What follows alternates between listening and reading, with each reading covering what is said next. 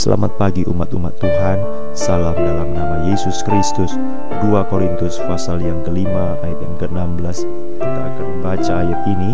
2 Korintus pasal yang kelima ayat yang ke-16 sampai ayat yang ke-21 Renungan firman Tuhan. Mari kita akan membaca demikianlah firman Allah Sebab itu kami tidak lagi menilai seorang juga pun menurut ukuran manusia. Dan jika kami pernah menilai Kristus menurut ukuran manusia Sekarang kami tidak lagi menilainya demikian.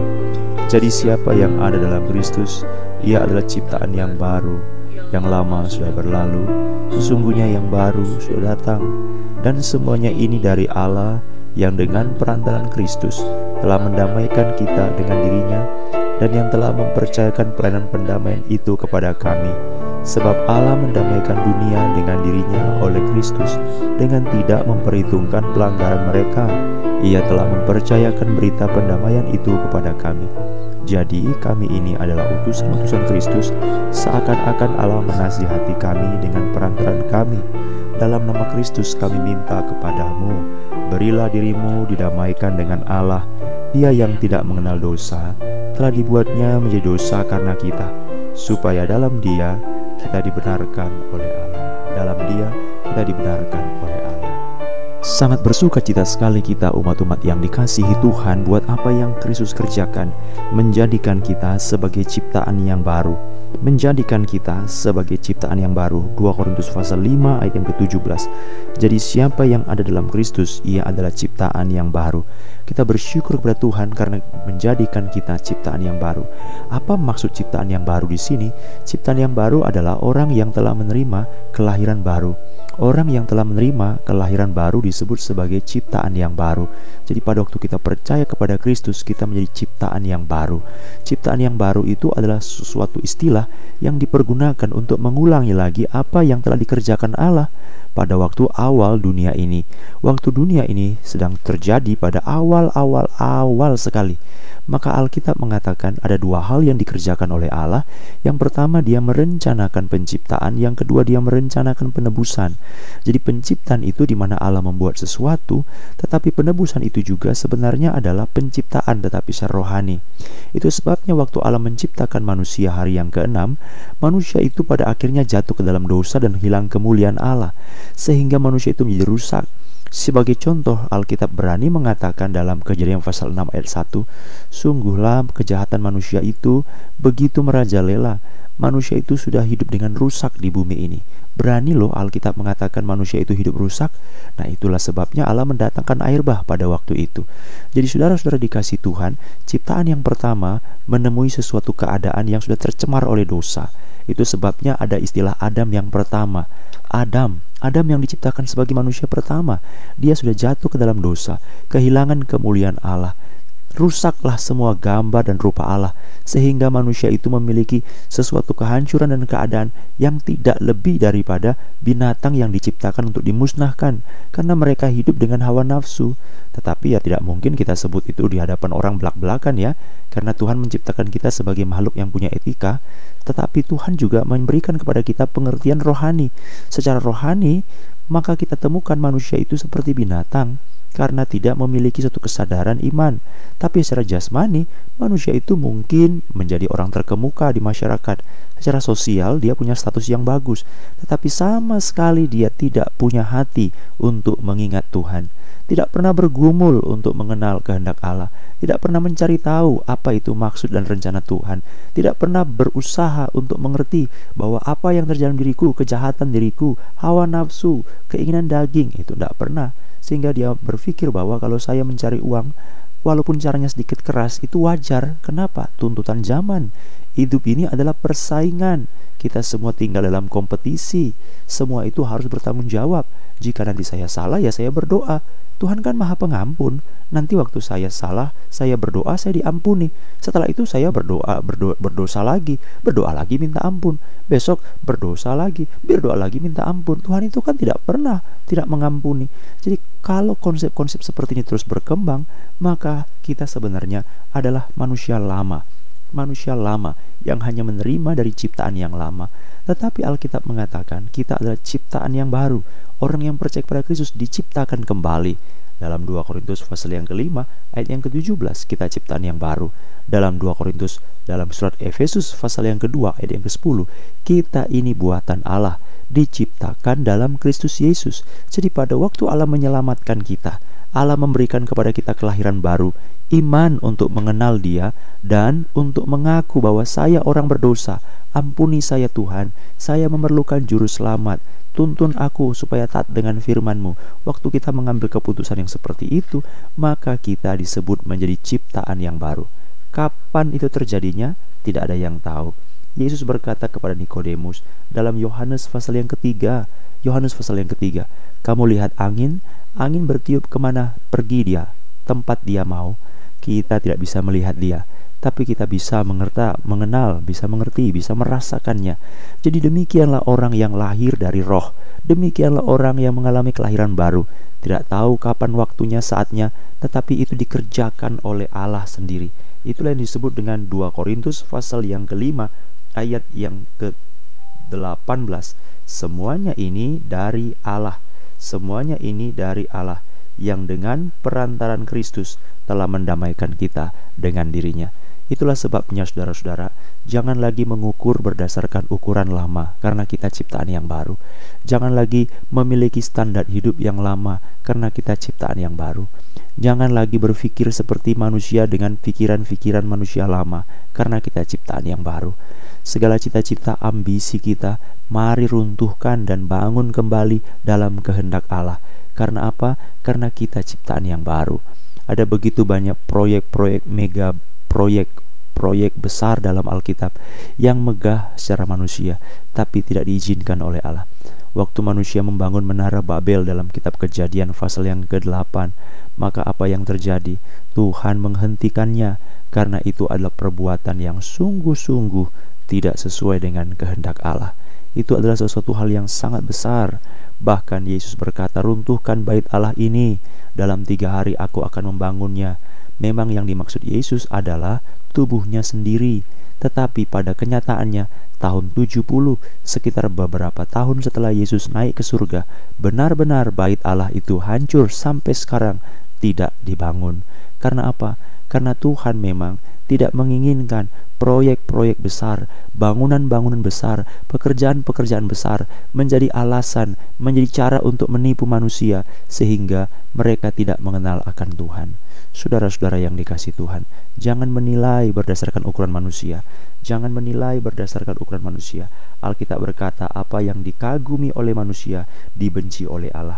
2 Korintus pasal 6 ayat 16. Itu sebabnya kami tidak lagi menilai seorang juga pun menurut ukuran manusia. Termasuk kami tidak menilai Kristus menurut ukuran manusia. Ayat yang ke-16 diulangi dengan suatu kalimat yang sangat tegas. Kristus kalau kami pernah nilai berdasarkan penilaian manusia, maka sekarang kami tidak lagi menilainya demikian. Jadi ada perubahan. Perubahan setelah menjadi ciptaan yang baru, cara berpikirnya berubah. Sekarang tidak lagi demikian. Penilaian-penilaiannya berubah. Apa yang disebut dengan orang sukses? Orang sukses bukan orang uang banyak, orang sukses bukan rumah besar, orang sukses bukan sesuatu hal yang mewah. Kemarin saya berbincang-bincang dengan beberapa orang dan mereka semua bukan orang Kristen, tetapi saya menjaga hubungan yang baik dengan mereka supaya lewat hidupku mereka bisa mengenal Kristus. Dan pada waktu mereka berbicara, mereka berbicara tentang beberapa orang, tentang salah seorang yang disebut masih sekitar usia 40 tahun, ibu dari dua orang anak, suami kerja dengan posisi bagus, rumahnya banyak loh. Itu rumah gedong dia ada tinggal banyak loh. Itu dia itu orangnya lagi karir tiga tahun ini naik loh. Itu cerita ini cerita itu pokoknya dia menilai orang ini adalah orang yang berhasil orang sukses. Kenapa sukses? Rumah kontrakannya banyak Kenapa sukses? Karena tinggal di rumah gedongan yang berapa lantai. Kenapa sukses? Karena kerja di satu perusahaan BUMN yang tiga tahun ini karirnya naik terus. Kenapa sukses? Karena mobilnya bagus. Kenapa sukses? Ya dia cerita segala sesuatu tentang kesuksesan-kesuksesan. Tapi dia mengalami sakit, lalu dia ke rumah sakit 4 jam di rumah sakit, dinyatakan meninggal dunia dan dokter mengatakan COVID, hari itu juga dimakamkan. Saudara-saudara dikasih Tuhan, orang boleh menilai apa yang disebut dengan sukses. Apa yang disebut dengan berhasil? Mereka mengatakan tragis sekali ya, pada lagi sedang berada dalam suatu kesuksesan. Kesuksesan bukanlah berdasarkan dunia, tapi kesuksesan adalah jika orang itu menjalankan kehendak Allah. jika orang itu menjalankan kehendak Allah, itulah yang disebut dengan berhasil. Itu sebabnya kita adalah ciptaan yang baru, diciptakan dalam Kristus Yesus, supaya kita mengerjakan pekerjaan yang telah dipersiapkan sebelumnya. Itulah keberhasilan, saudara-saudara. Maka jangan lagi menilai, berubahlah pemikiran, penilaian, pencapaian, berubahlah. Sekarang kami tidak lagi demikian. 2 Korintus pasal yang kelima ayat yang ke-16. Saudara-saudara mari kita masuk pada bagian yang kedua. Pada waktu Kristus mendamaikan kita, itu bukan pekerjaan manusia, tetapi merupakan pekerjaan Allah. Tetapi ada satu hal yang sering kali orang salah memahami. Kalau Allah mendamaikan kita, waktu itu yang terjadi adalah Allah tidak memperhitungkan pelanggaran-pelanggaran kita. 2 Korintus pasal yang kelima ayat yang ke-19 Waktu Allah mendamaikan kita Maka Allah sebenarnya tidak memperhitungkan pelanggaran-pelanggaran kita Nah kadang-kadang orang salah menggunakan ayat ini Dia mengatakan Loh Kristus kan sudah mendamaikan kita dengan dirinya tetapi pada waktu kita diperdamaikan dengan Allah, kita ini tidak diperhitungkan segala salah dan dosa kita. Itu sebabnya dia bersuka cita dan berbahagia. Sangkin bersuka cita dan berbahagianya, dia berkata bahwa Tuhan tidak memperhitungkan pelanggaran-pelanggarannya, dia tidak perlu lagi pusing dengan segala masa lalu dan segala pelanggaran-pelanggaran dosa, tabiat-tabiat kelakuan yang jelek, maka dia hidup dalam suatu kesembarangan. Contohnya misalnya, sebelum dia percaya Yesus, dia seorang perokok. Tapi setelah percaya kepada Yesus, dia tetap merokok. Ini adalah satu hal yang boleh benar atau tidak benar. Mungkin dia berkata, "Enggak apa-apa." Kenapa enggak apa-apa? Karena pada waktu aku didamaikan dengan Kristus, Kristus kan tidak memperhitungkan kesalahan-kesalahanku. Jadi rokok bukan masalah karena Kristus mendamaikan aku dengan dia dirinya kok. Saudara-saudara dikasih Tuhan, mari kita baca dan telah telah ayat ini baik-baik. Saya akan baca terlebih dahulu pada ayat yang ke-19. Sebab Allah mendamaikan dunia dengan dirinya oleh Kristus dengan tidak memperhitungkan pelanggaran mereka ia telah mempercayakan berita pendamaian itu kepada kami. Alkitab mengatakan benar bahwa waktu Allah mendamaikan kita dengan dirinya, maka kita tidak diperhitungkan pelanggaran-pelanggaran. Tetapi itu bukan berarti bahwa pelanggaran-pelanggaran itu boleh terus kita lakukan karena Allah mengampuni, karena Allah penuh kasih, karena Allah penuh dengan pendamaian. Bukan. Justru pada waktu itulah kita menemukan titik titik di mana Allah sudah rela merendahkan dirinya, maka sekarang gilirannya kita merendahkan diri kita. Saya ulangi ya, Allah sudah merendahkan dirinya untuk pendamaian kita. Maka sekarang setelah didamaikan, saatnya kita merendahkan diri kita.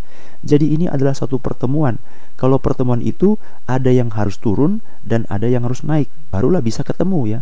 Jadi kalau yang di atas dia harus turun ke bawah, yang di bawah dia harus naik ke atas, barulah ada titik temu. Begitulah kita dengan Allah. Kalau saudara ingin hidup dalam pendamaian yang sejati, maka pertama-tama Allah telah turun, rendahkan diri. Supaya apa? Supaya kita diterima menjadi anak. Maka Allah menurun, Allah merendahkan diri. Allah tidak memperhitungkan pelanggaran-pelanggaran kita. Supaya apa? Supaya kita didamaikan dengan Dia. Tetapi pada waktu kita didamaikan dengan Dia, saatnya saudara-saudara, yaitu apa? Kita berada pada kondisi yang terus naik karena kita sudah diperdamaikan dengan Dia. Waktu kita diperdamaikan dengan Dia, kita orang berdosa. Tuhan tidak memperhitungkan dosa itu. Waktu kita diperdamaikan dengan Dia, kita orang cemar, tapi Tuhan tidak memperhitungkan kecemaran itu. Tetapi setelah kita didamaikan, jangan kita hidup tetap dalam dosa. Jangan kita hidup tetap dalam kecemaran. Dosa dan kecemaran itu adalah masa lalu yang lama sudah berlalu. Itu adalah zaman kebodohan. Itu tidak diperhitungkan oleh Tuhan.